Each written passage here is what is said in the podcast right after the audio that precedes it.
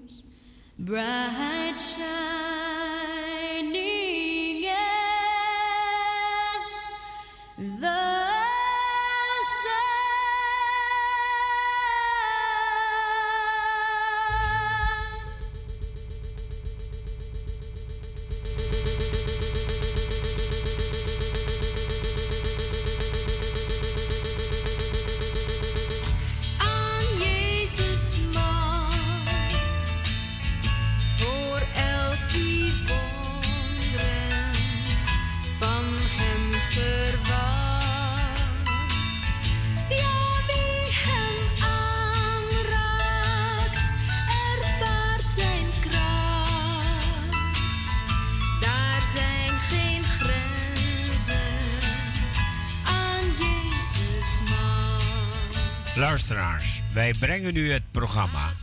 Daar zijn geen grenzen aan Jezus' macht. Open uw hart voor het woord van God. Geloof dat er geen grenzen zijn aan Jezus' macht. En de Heere zegene u allen.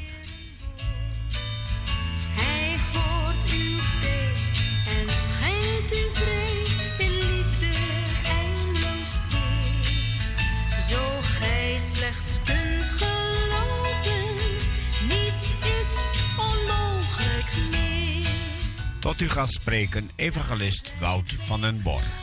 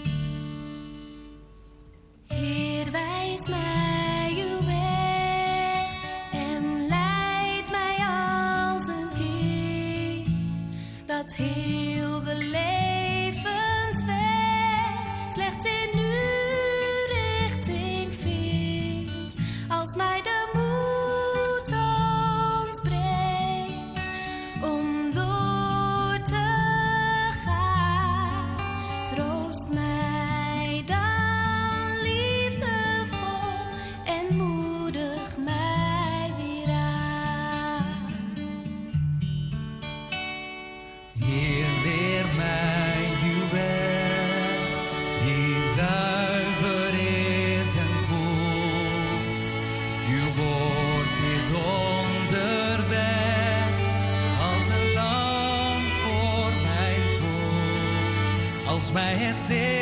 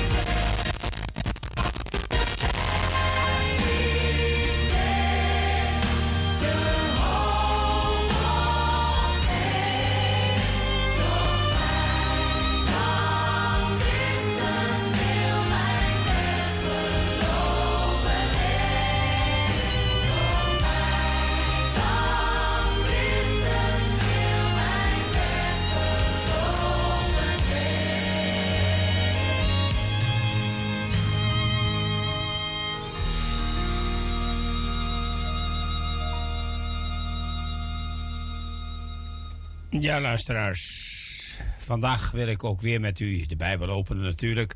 Maar laten we eerst samen om een zegen vragen. De Heere vragen of Hij dit programma wil zegenen.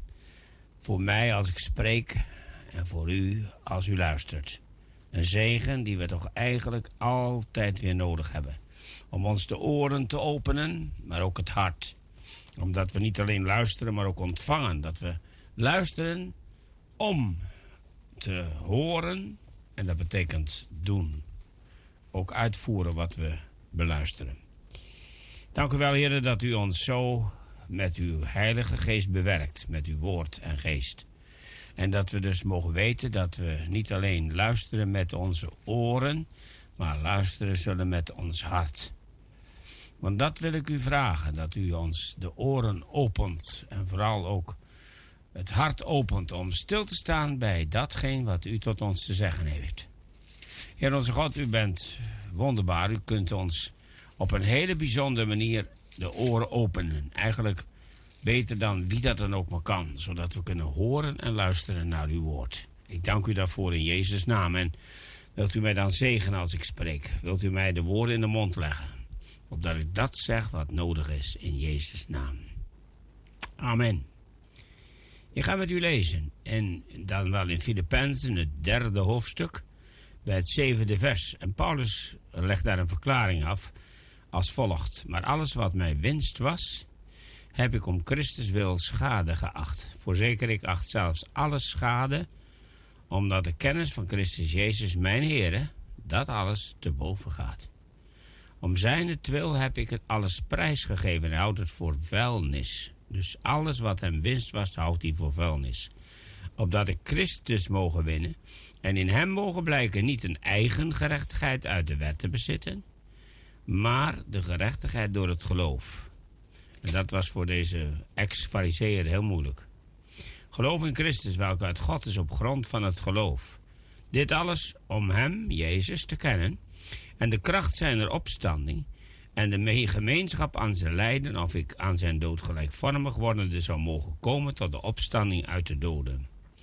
Niet dat ik het reeds zou verkregen hebben of reeds volmaakt zou zijn, maar ik jaag erna of ik het ook grijpen mocht, omdat ik door Christus gegrepen ben.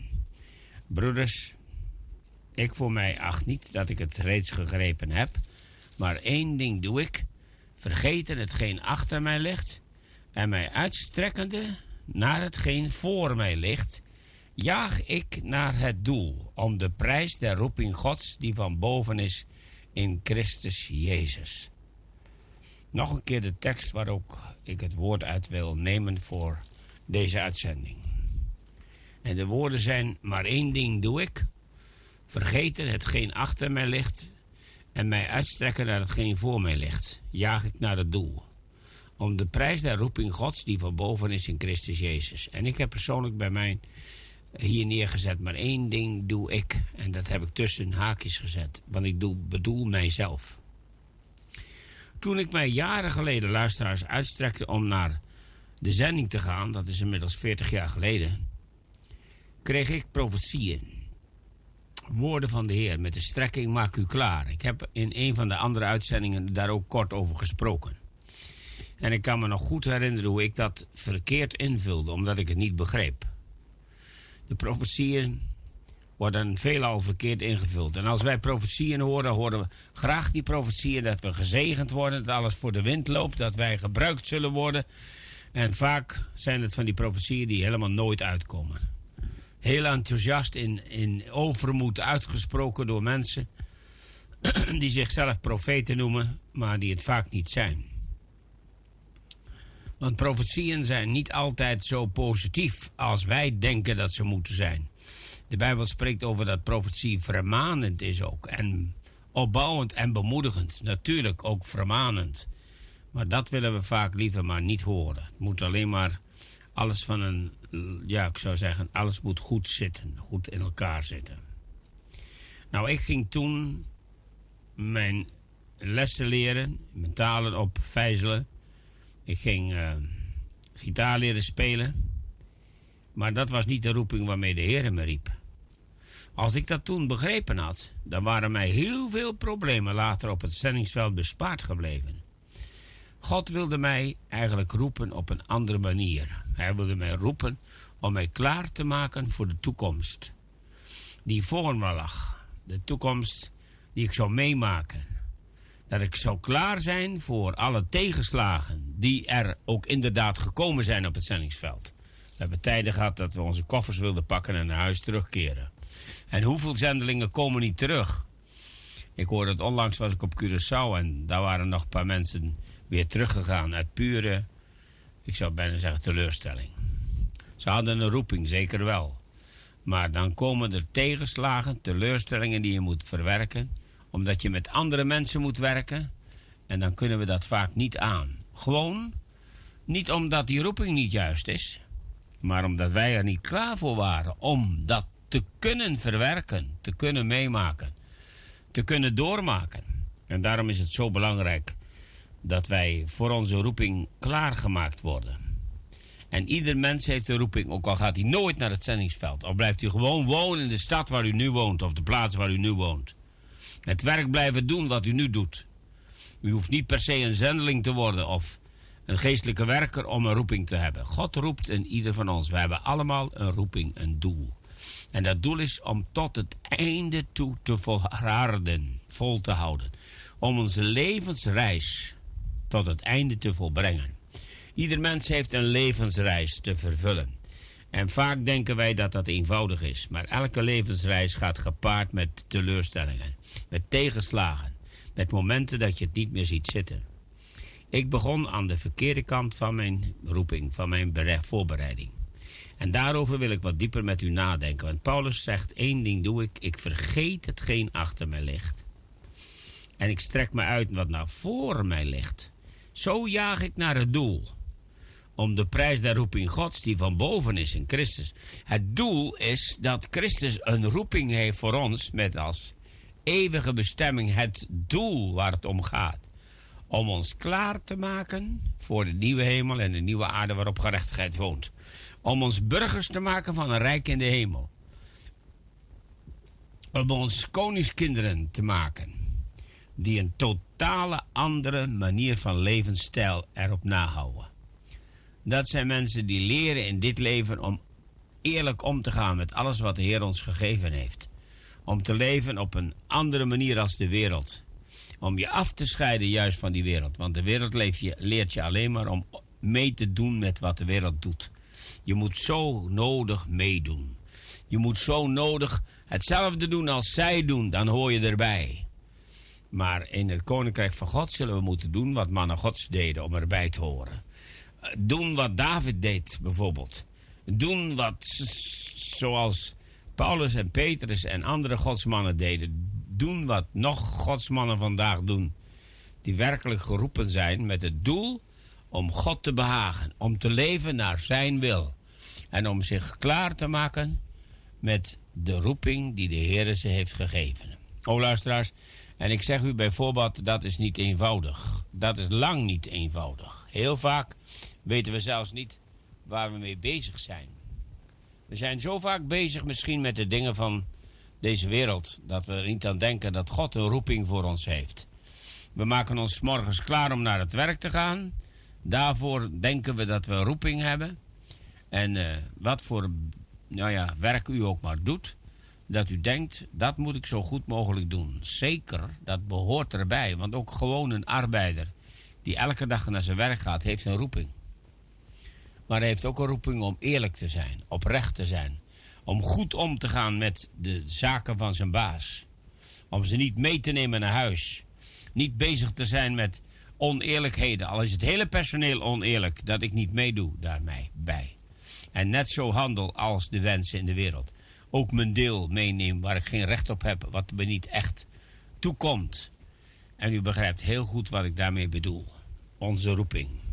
Wat hebben we nog veel te doen om daaraan te beantwoorden?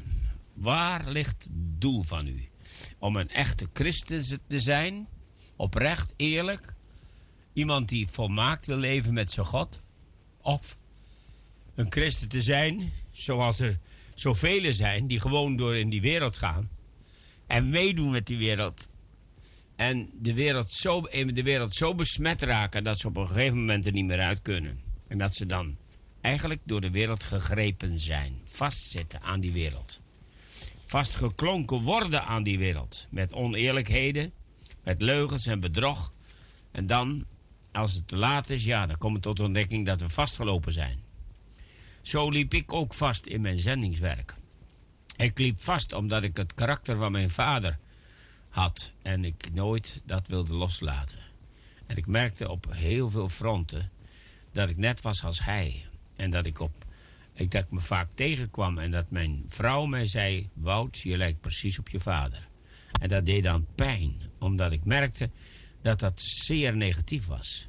Want dan waren dat juist die dingen die ik en mijn vader had afgekeurd vroeger. Waarvan ik dacht: hoe kan die man zo zijn? En ik kwam tot de ontdekking dat ik zelf net zo was.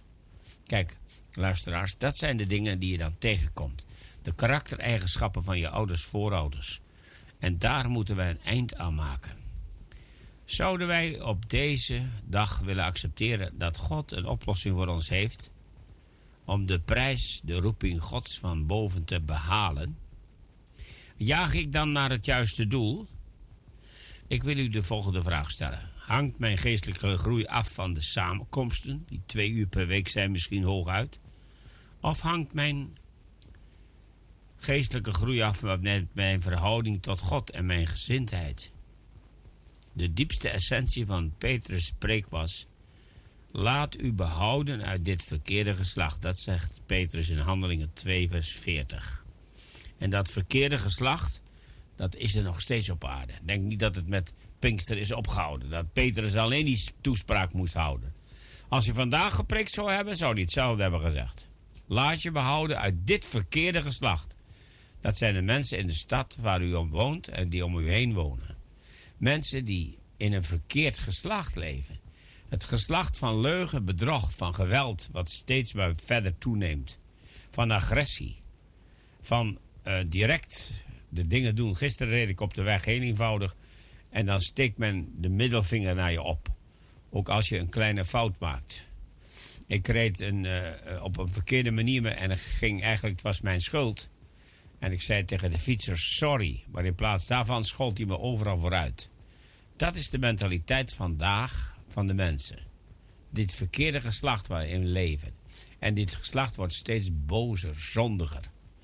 U weet, en ik spreek tot mensen die het ervaren, u weet het en u voelt het en u merkt het. De wereld vandaag is in conflict met zijn schepper. Onze jeugdgroep groeit op in een wereld van rebellie tegen God en een wereld van geld en geweld. Dit geslacht waarin wij leven, wat ook vandaag nog zo is, waar Petrus over preekte, dat geslacht vaart niet anders uit dan door vasten en gebed. Hoe lang en hoe vaak bid ik voor mijn stad waar ik in woon? Bid ik, heren, wilt u het veranderen? Wilt u zelf gaan werken met uw Heilige Geest aan de harten van de mensen? U ontmoet er zoveel elke dag in de trein, in de tram, misschien op de fiets, in de bus. Welk vervoermiddel u ook maar gebruikt op straat. U loopt, u komt ze tegen. U spreekt met ze in de store waar u werkt of misschien de winkel waar u gaat. Lieve mensen, de Bijbel zegt in Handelingen 2, vers 37: Toen zij dit hoorden, werden ze diep in hun harten getroffen. En ze zeiden tot Petrus en de andere apostelen: Wat moeten we doen, mannenbroeders? Kijk, bekering, luisteraars, moet je hart treffen. Daar begint de verandering. Daar komen ook deze vragen. Daar moeten we ons klaarmaken. Dat was hetgeen ik 30 jaar geleden niet begreep. Ik heb het echter door schade en schande heen moeten leren en ik leer nog steeds. Maak u klaar om God te ontmoeten. Denk er diep over na of het leven wat u nu leeft een leven uit God is. Of het werkelijk leven is, of dat het eigenlijk een stuk is waarvan u zegt, nou, dit kan niet langer zo. Ik moet me bekeren. Nou, dat was de boodschap die Petrus ook bracht. Misschien staat u daarvan te kijken en denkt, ja, maar dat is voor mensen die nog nooit bekeerd zijn. Nou, mag ik het zo uitdrukken? Toevallig niet. Daar is die hoge prijs die te behalen is en ook een hoge prijs om te verliezen. Het kost hoegenaamd niets om te verliezen. Het blijft gewoon wie je bent. Gaat door, met de wereld verspil je tijd met je bijkomstigheden. Voorbeelden zijn er in de Bijbel. De vrouw van Lot op weg naar reddingen. Ze zag achterom. Israël, vlak voor het beloofde land, stierf in de woestijn. Saul ging als uitgekozen koning jammerlijk af. De vijf dwaze maagden hadden het, haalden het bruiloftsfeest niet. Judas de verrader zo dicht bij Jezus. En toch heeft hij de eindstreep gemist. Jezus heeft de hoogste prijs betaald voor uw redding. Maar er is een prijs die we zelf moeten betalen. En dat is dat juk wat we opgelegd krijgen door deze wereld. En dat juk moeten we afschudden. Wanneer we bij Jezus aankloppen op raad, dan zegt hij in Matthäus 11, vers 30: Mijn juk is zacht en mijn last is licht. Maar om die gezindheid van je hart te veranderen, kost je een hoge, ja zeer hoge prijs. Het kost wat, wat inzet om je klaar te maken voor de grote ontmoeting. Waar de prijzen worden uitgereikt. Als Jezus zegt in openbaringen 22 vers 12, zie ik kom. En ik kom spoedig wennen. Mijn loon is bij mij om aan ieder te vergelden nadat zijn werk is. En Paulus zegt daarover, maar alles wat mijn winst was, heb ik om Christus wil schade geacht. Ja, voorzeker, ik acht zelfs alles schade, omdat de kennis van Christus Jezus, mijn Heer, dat alles te boven gaat. Om zijnentwil heb ik het prijs gegeven en ik houd het voor vuilnis. Tot slot, luisteraar, als de Bijbel ons leert, maak u klaar. Zijn we er klaar voor om onze God te ontmoeten? Daar zullen we vele uren per dag aan moeten werken en vele keren in de week aan moeten terugdenken. Ik hoop dat u dit woord nooit vergeet. Dat u er niet alleen naar geluisterd heeft, maar dat het uw hart heeft getroffen. En als dan het antwoord van Petrus komt, dan zegt hij: Bekeert u. Ja, maar bekeert u. U wilt toch niet zeggen, broeder van der Bord, dat ik me nog opnieuw moet bekeren? Bekeren is je omkeren van de weg die je gaat. Bekering in dit geval heeft niks te maken met je leven aan Jezus geven. Het heeft te maken met de weg die je gaat, waarvan je moet afkeren. Een nieuwe weg in moet slaan. Een weg met Jezus. Een weg om te wandelen met Hem. En dan zal Hij je leven in Zijn hand nemen. En dan beloof ik u dat de Bijbel zegt, dan wordt echt alles anders.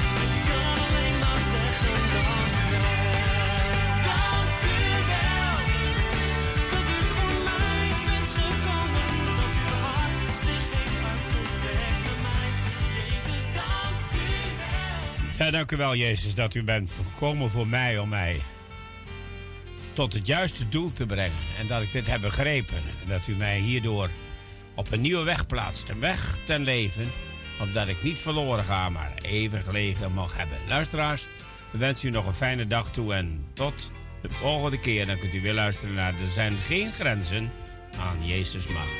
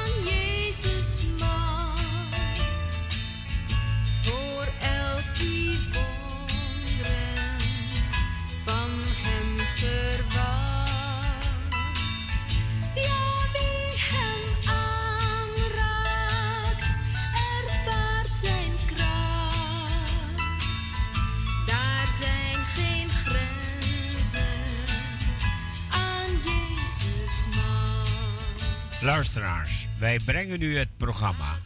Daar zijn geen grenzen aan Jezus macht. Open uw hart voor het woord van God. Geloof dat er geen grenzen zijn aan Jezus macht. En de Heere zegene u allen.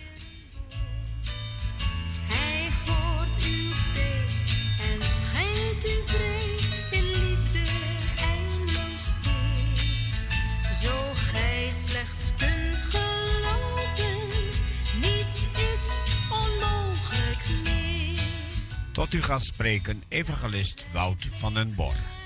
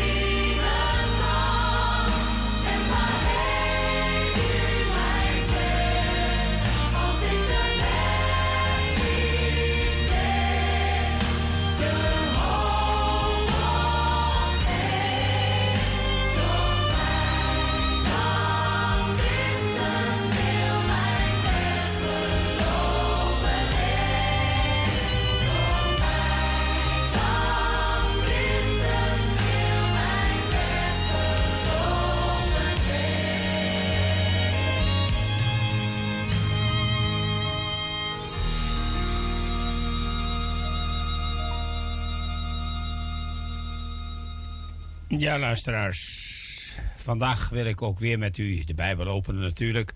Maar laten we eerst samen om een zegen vragen. De Heere vragen of Hij dit programma wil zegenen. Voor mij als ik spreek en voor u als u luistert. Een zegen die we toch eigenlijk altijd weer nodig hebben.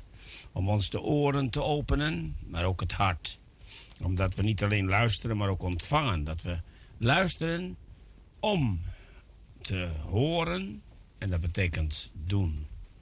Ook uitvoeren wat we beluisteren. Dank u wel, heren, dat u ons zo met uw Heilige Geest bewerkt. Met uw woord en geest. En dat we dus mogen weten dat we niet alleen luisteren met onze oren, maar luisteren zullen met ons hart. Want dat wil ik u vragen, dat u ons de oren opent en vooral ook het hart opent om stil te staan bij datgene wat u tot ons te zeggen heeft. Heer onze God, u bent wonderbaar. U kunt ons op een hele bijzondere manier de oren openen. Eigenlijk beter dan wie dat dan ook maar kan, zodat we kunnen horen en luisteren naar uw woord. Ik dank u daarvoor in Jezus' naam en wilt u mij dan zegenen als ik spreek? Wilt u mij de woorden in de mond leggen, opdat ik dat zeg wat nodig is in Jezus' naam. Amen. Ik ga met u lezen. En dan wel in Filippenzen, het derde hoofdstuk, bij het zevende vers. En Paulus legt daar een verklaring af als volgt. Maar alles wat mij winst was, heb ik om Christus wil schade geacht. Voorzeker, ik acht zelfs alles schade, omdat de kennis van Christus Jezus, mijn Heere, dat alles te boven gaat. Om zijn wil heb ik het alles prijsgegeven en houdt het voor vuilnis. Dus alles wat hem winst was, houdt hij voor vuilnis. Opdat ik Christus mogen winnen en in hem mogen blijken niet een eigen gerechtigheid uit de wet te bezitten, maar de gerechtigheid door het geloof. En dat was voor deze ex-fariseeër heel moeilijk. Geloof in Christus, welke uit God is op grond van het geloof. Dit alles om Hem, Jezus, te kennen en de kracht zijner opstanding en de gemeenschap aan zijn lijden, of ik aan zijn dood gelijkvormig wordende zou mogen komen tot de opstanding uit de doden. Niet dat ik het reeds zou verkregen hebben of reeds volmaakt zou zijn, maar ik jaag erna of ik het ook grijpen mocht, omdat ik door Christus gegrepen ben. Broeders, ik voor mij acht niet dat ik het reeds gegrepen heb, maar één ding doe ik: vergeten hetgeen achter mij ligt en mij uitstrekkende naar hetgeen voor mij ligt, jaag ik naar het doel om de prijs der roeping Gods die van boven is in Christus Jezus. Nog een keer de tekst waar ook ik het woord uit wil nemen voor deze uitzending. En de woorden zijn: Maar één ding doe ik: vergeten hetgeen achter mij ligt en mij uitstrekken naar hetgeen voor mij ligt. Jaag ik naar het doel. Om de prijs der roeping Gods die van boven is in Christus Jezus. En ik heb persoonlijk bij mij hier neergezet, maar één ding doe ik. En dat heb ik tussen haakjes gezet, want ik doe, bedoel mijzelf. Toen ik mij jaren geleden luisteraars uitstrekte om naar de zending te gaan, dat is inmiddels 40 jaar geleden, kreeg ik profetieën. Woorden van de Heer met de strekking maak u klaar. Ik heb in een van de andere uitzendingen daar ook kort over gesproken. En ik kan me nog goed herinneren hoe ik dat verkeerd invulde, omdat ik het niet begreep. De profetieën worden veelal verkeerd ingevuld. En als wij profetieën horen, horen we graag die profetieën dat we gezegend worden, dat alles voor de wind loopt, dat wij gebruikt zullen worden. En vaak zijn het van die profetieën die helemaal nooit uitkomen. Heel enthousiast in, in overmoed uitgesproken door mensen die zichzelf profeten noemen, maar die het vaak niet zijn. Want profetieën zijn niet altijd zo positief als wij denken dat ze moeten zijn. De Bijbel spreekt over dat profetie vermanend is ook. En opbouwend en bemoedigend. Natuurlijk ook vermanend. Maar dat willen we vaak liever maar niet horen. Het moet alleen maar alles van een, ja, ik zou zeggen, alles moet goed zitten. Goed in elkaar zitten.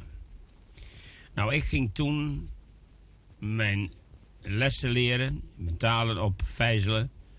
Ik ging uh, gitaar leren spelen. Maar dat was niet de roeping waarmee de Heer me riep. Als ik dat toen begrepen had, dan waren mij heel veel problemen later op het zendingsveld bespaard gebleven. God wilde mij eigenlijk roepen op een andere manier. Hij wilde mij roepen om mij klaar te maken voor de toekomst die voor me lag. De toekomst die ik zou meemaken dat ik zou klaar zijn voor alle tegenslagen die er ook inderdaad gekomen zijn op het zendingsveld. We hebben tijden gehad dat we onze koffers wilden pakken en naar huis terugkeren. En hoeveel zendelingen komen niet terug? Ik hoorde het onlangs was ik op Curaçao en daar waren nog een paar mensen weer teruggegaan uit pure, ik zou bijna zeggen teleurstelling. Ze hadden een roeping, zeker wel. Maar dan komen er tegenslagen, teleurstellingen die je moet verwerken omdat je met andere mensen moet werken. En dan kunnen we dat vaak niet aan. Gewoon niet omdat die roeping niet juist is, maar omdat wij er niet klaar voor waren om dat te kunnen verwerken, te kunnen meemaken, te kunnen doormaken.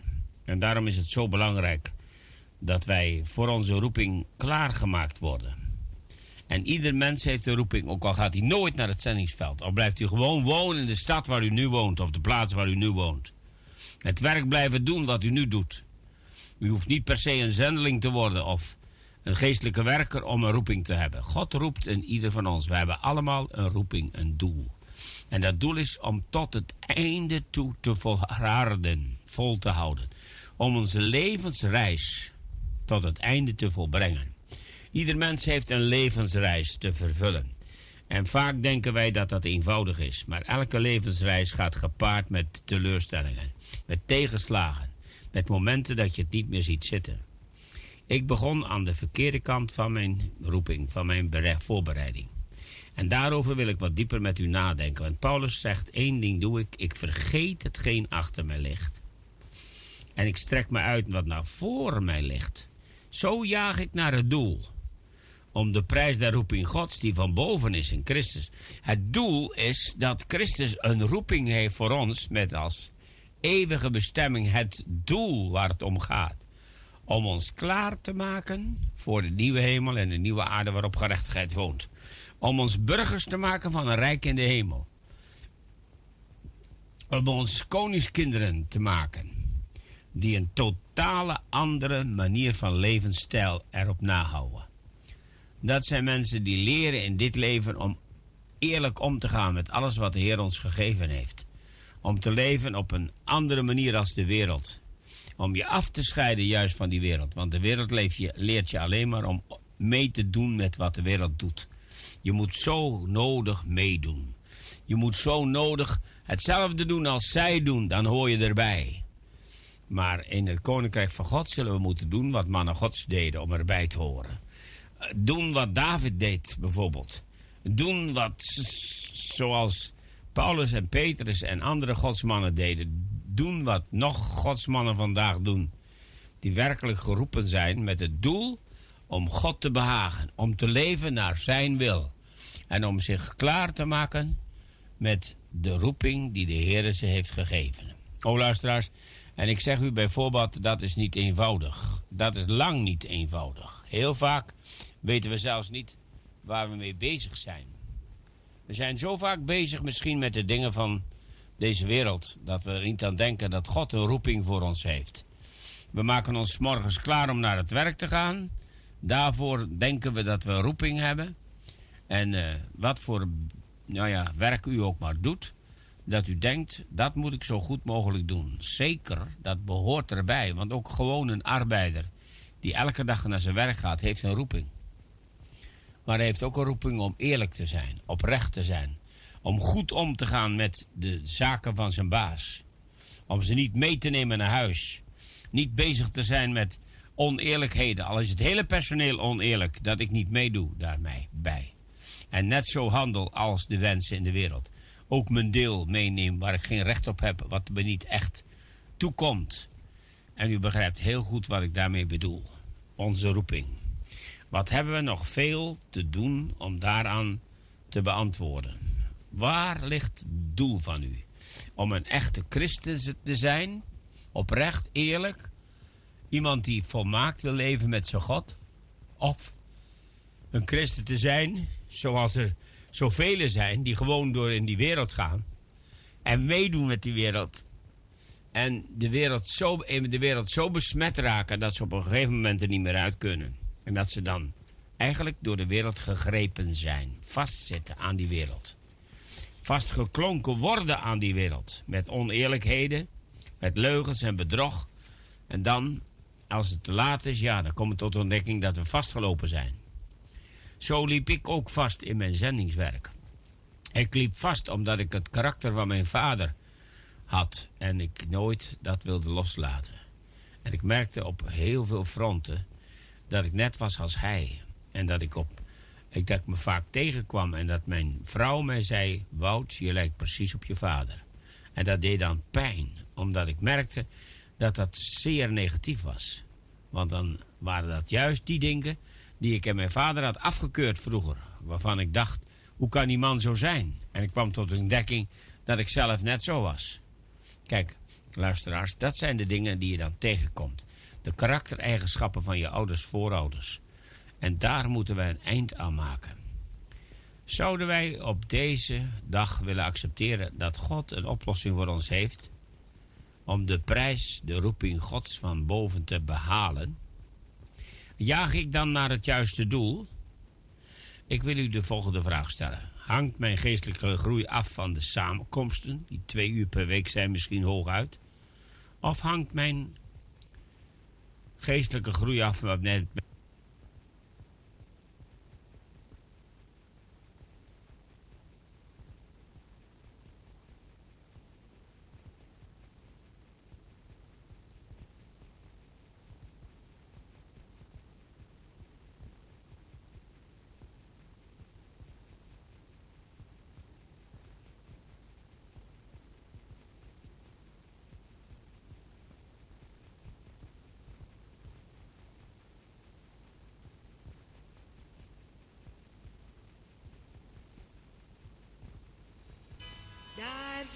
geen grenzen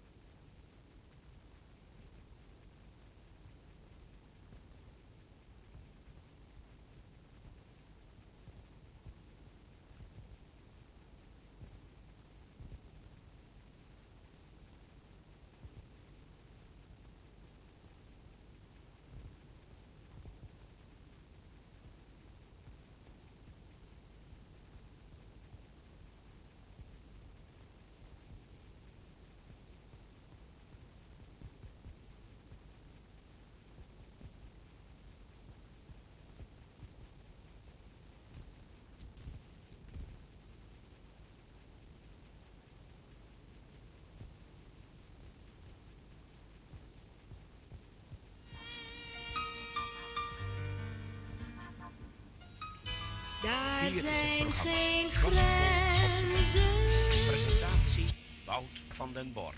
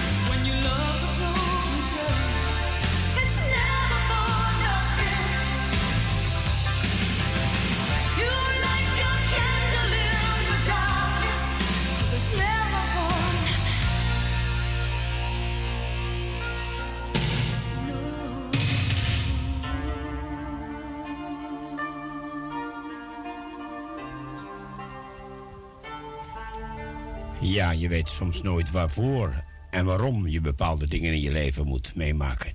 Maar geloof me, zoals het lied zegt, het is never for nothing. Het is nooit voor niets geweest waarom je het hebt meegemaakt of moet meemaken. En daarom zie en blijf zien op Jezus.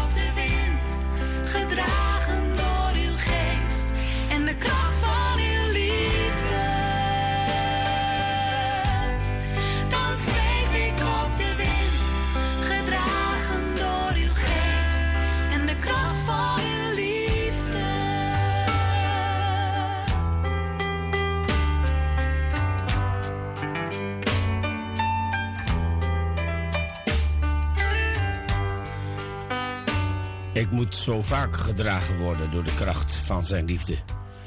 En zo vaak door de kracht van de geest weten wie ik ben. Anders dan had ik het al heel lang verloren. Steeds weer mag ik zien op Jezus. Op Hem die alle dingen in zijn handen heeft. Heer, wilt u dit programma tot een zegen maken. Voor alle die luisteren. Laat een ieder daardoor kracht ontvangen.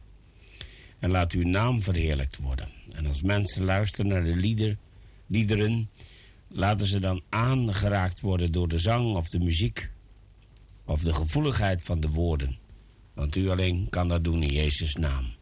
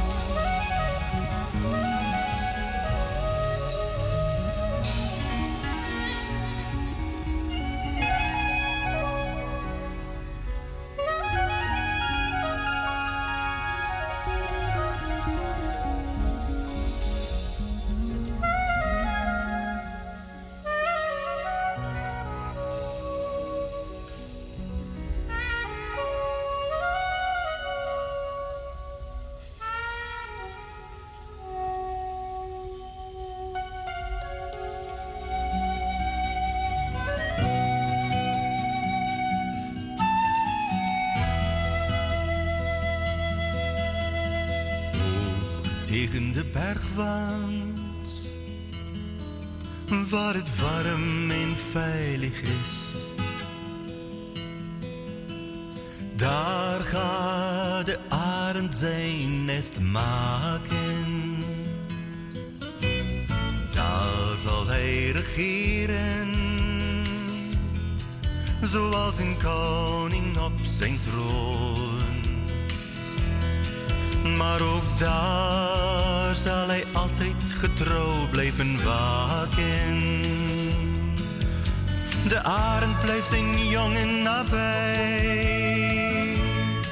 Zo is de Heer ook altijd bij mij. Hij omsluit mij met zijn warme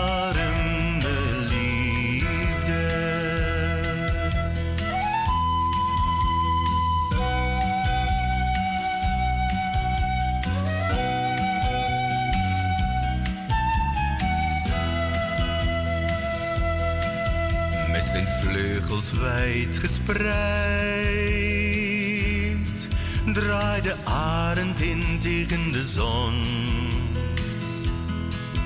Als hij neerduikt om de val van zijn jongen te keren. Elk gefladder, elke val wordt een dure levensles. Maar de arend weet dat de kleintjes het zelf moeten leren. Zoals de arend zijn jongen laat verstaan. Om op eigen vleugels te gaan.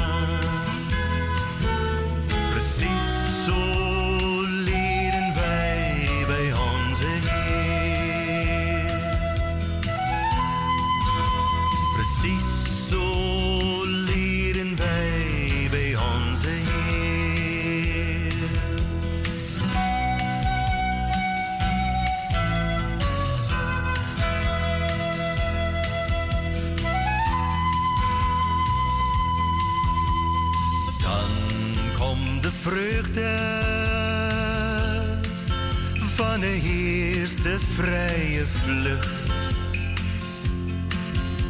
In wijde draai omhoog in de lucht te komen.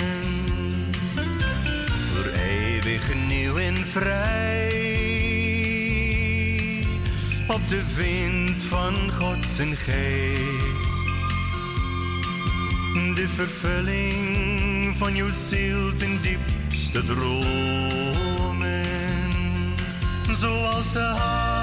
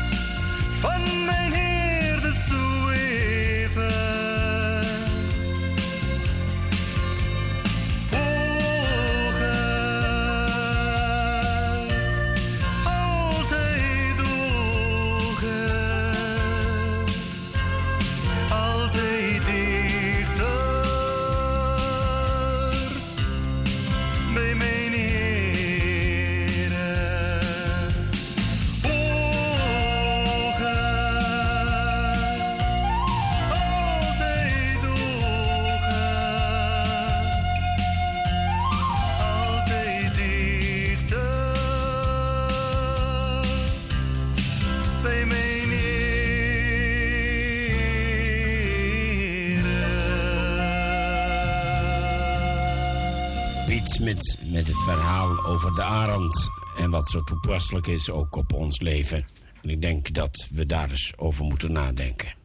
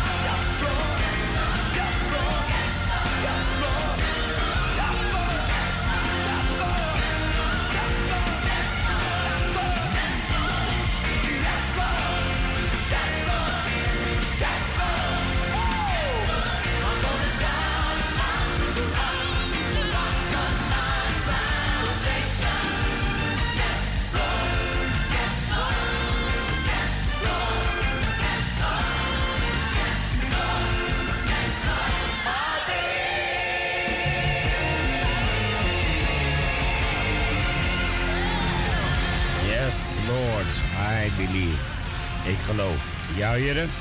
Ik geloof dat u de overwinning hebt behaald. Ik geloof dat u God bent van mijn leven.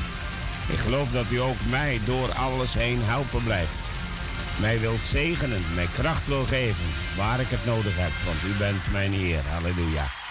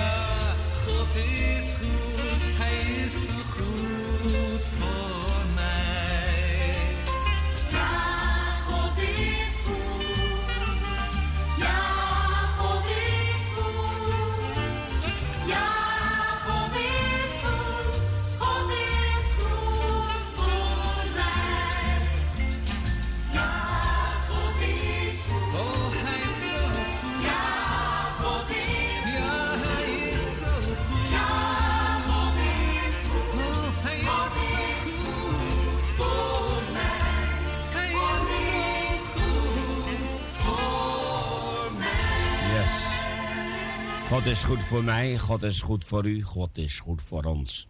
Want we hebben het helemaal niet verdiend dat we nog leven. God geeft elke dag opnieuw de kracht om te leven. En dat doet hij omdat Jezus Christus aan het kruis de overwinning heeft behaald.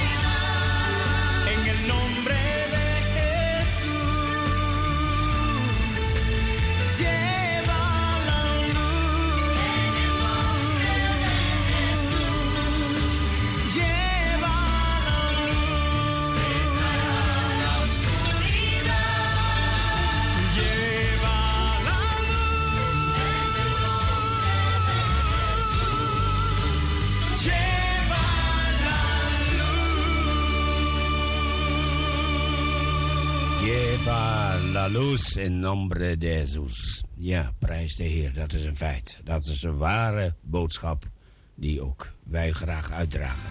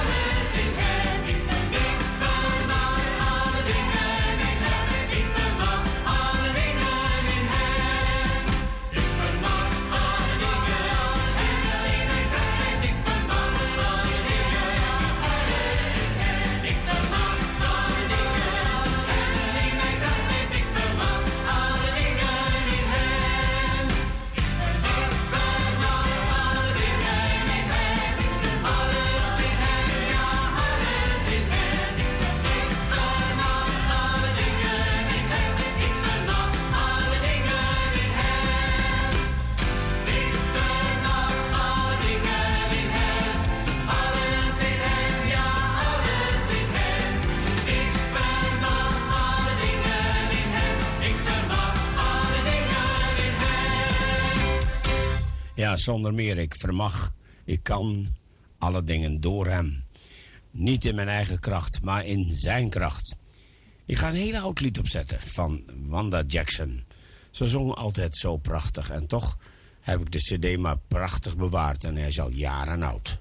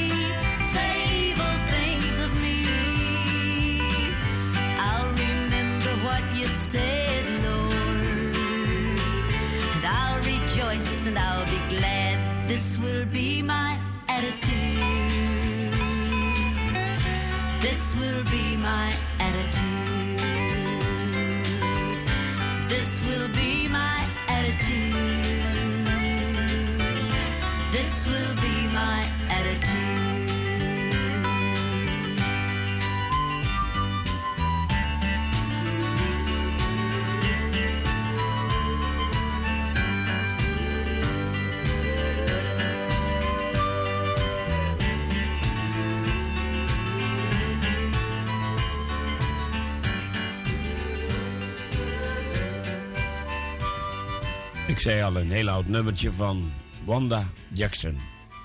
In het volgende nummer gaan we luisteren naar de Heer van mijn leven. De Heer van mijn hart.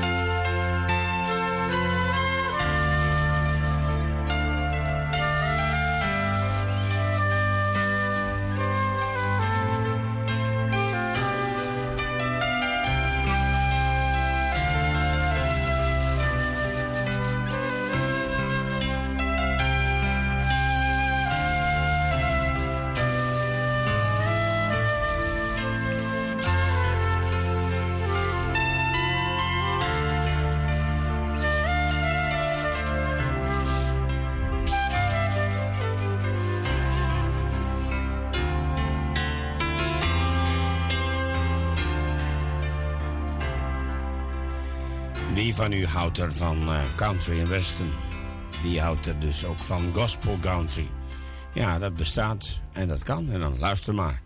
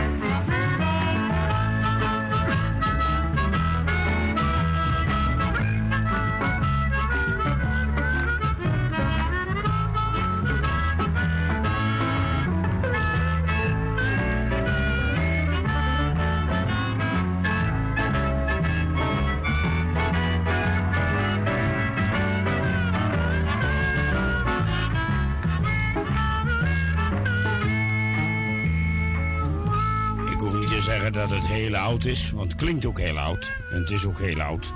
Maar soms moet je van die hele oude nummers nog eens een keer laten horen. Maar dan gauw erna een lekker nieuw nummer, zoals dit.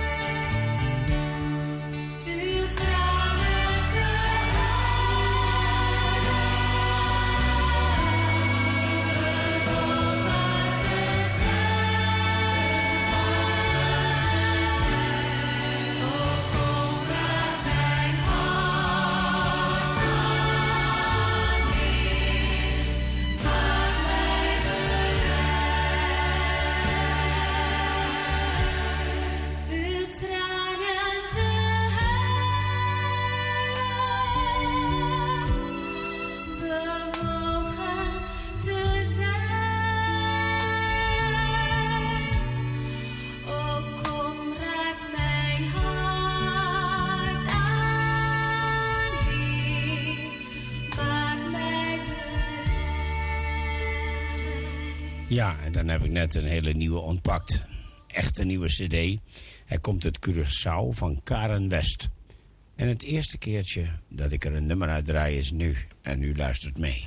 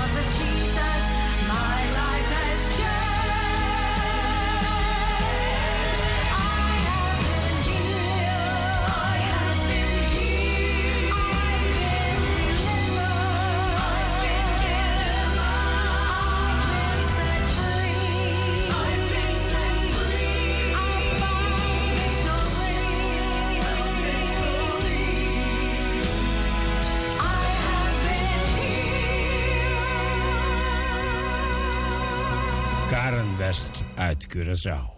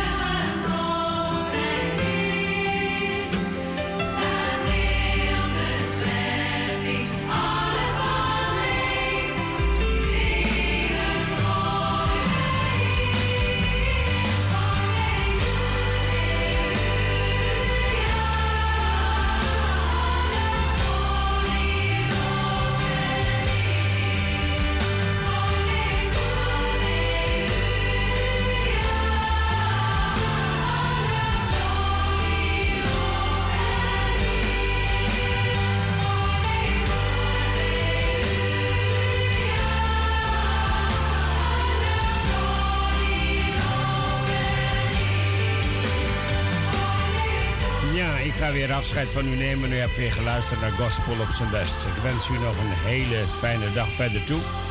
Mogen we zeggen tot een volgende keer dat u weer kan luisteren naar dit programma. De Heere zegene u allen.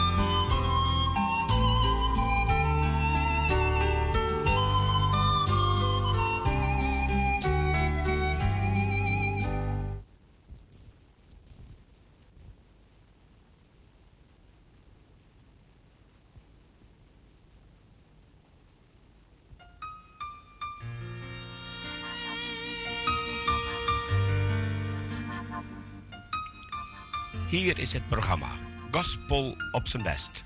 Presentatie Wout van den Bor.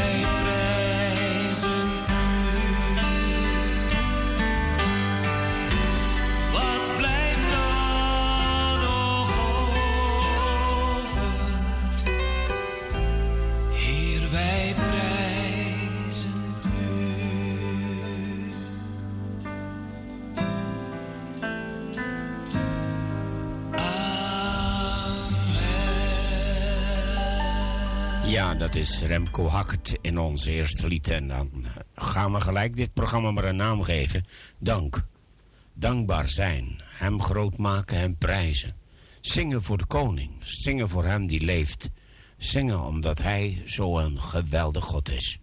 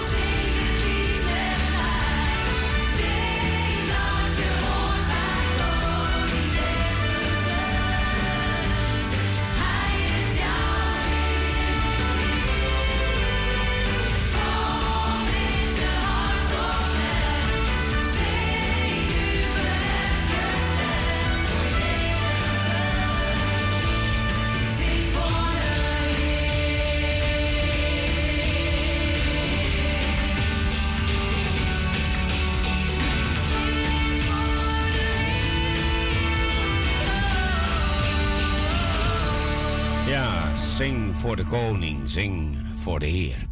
We gaan nu luisteren naar een hele lange medley van het Oslo, Oslo Gospel Choir. En dat duurt 12,5 minuut.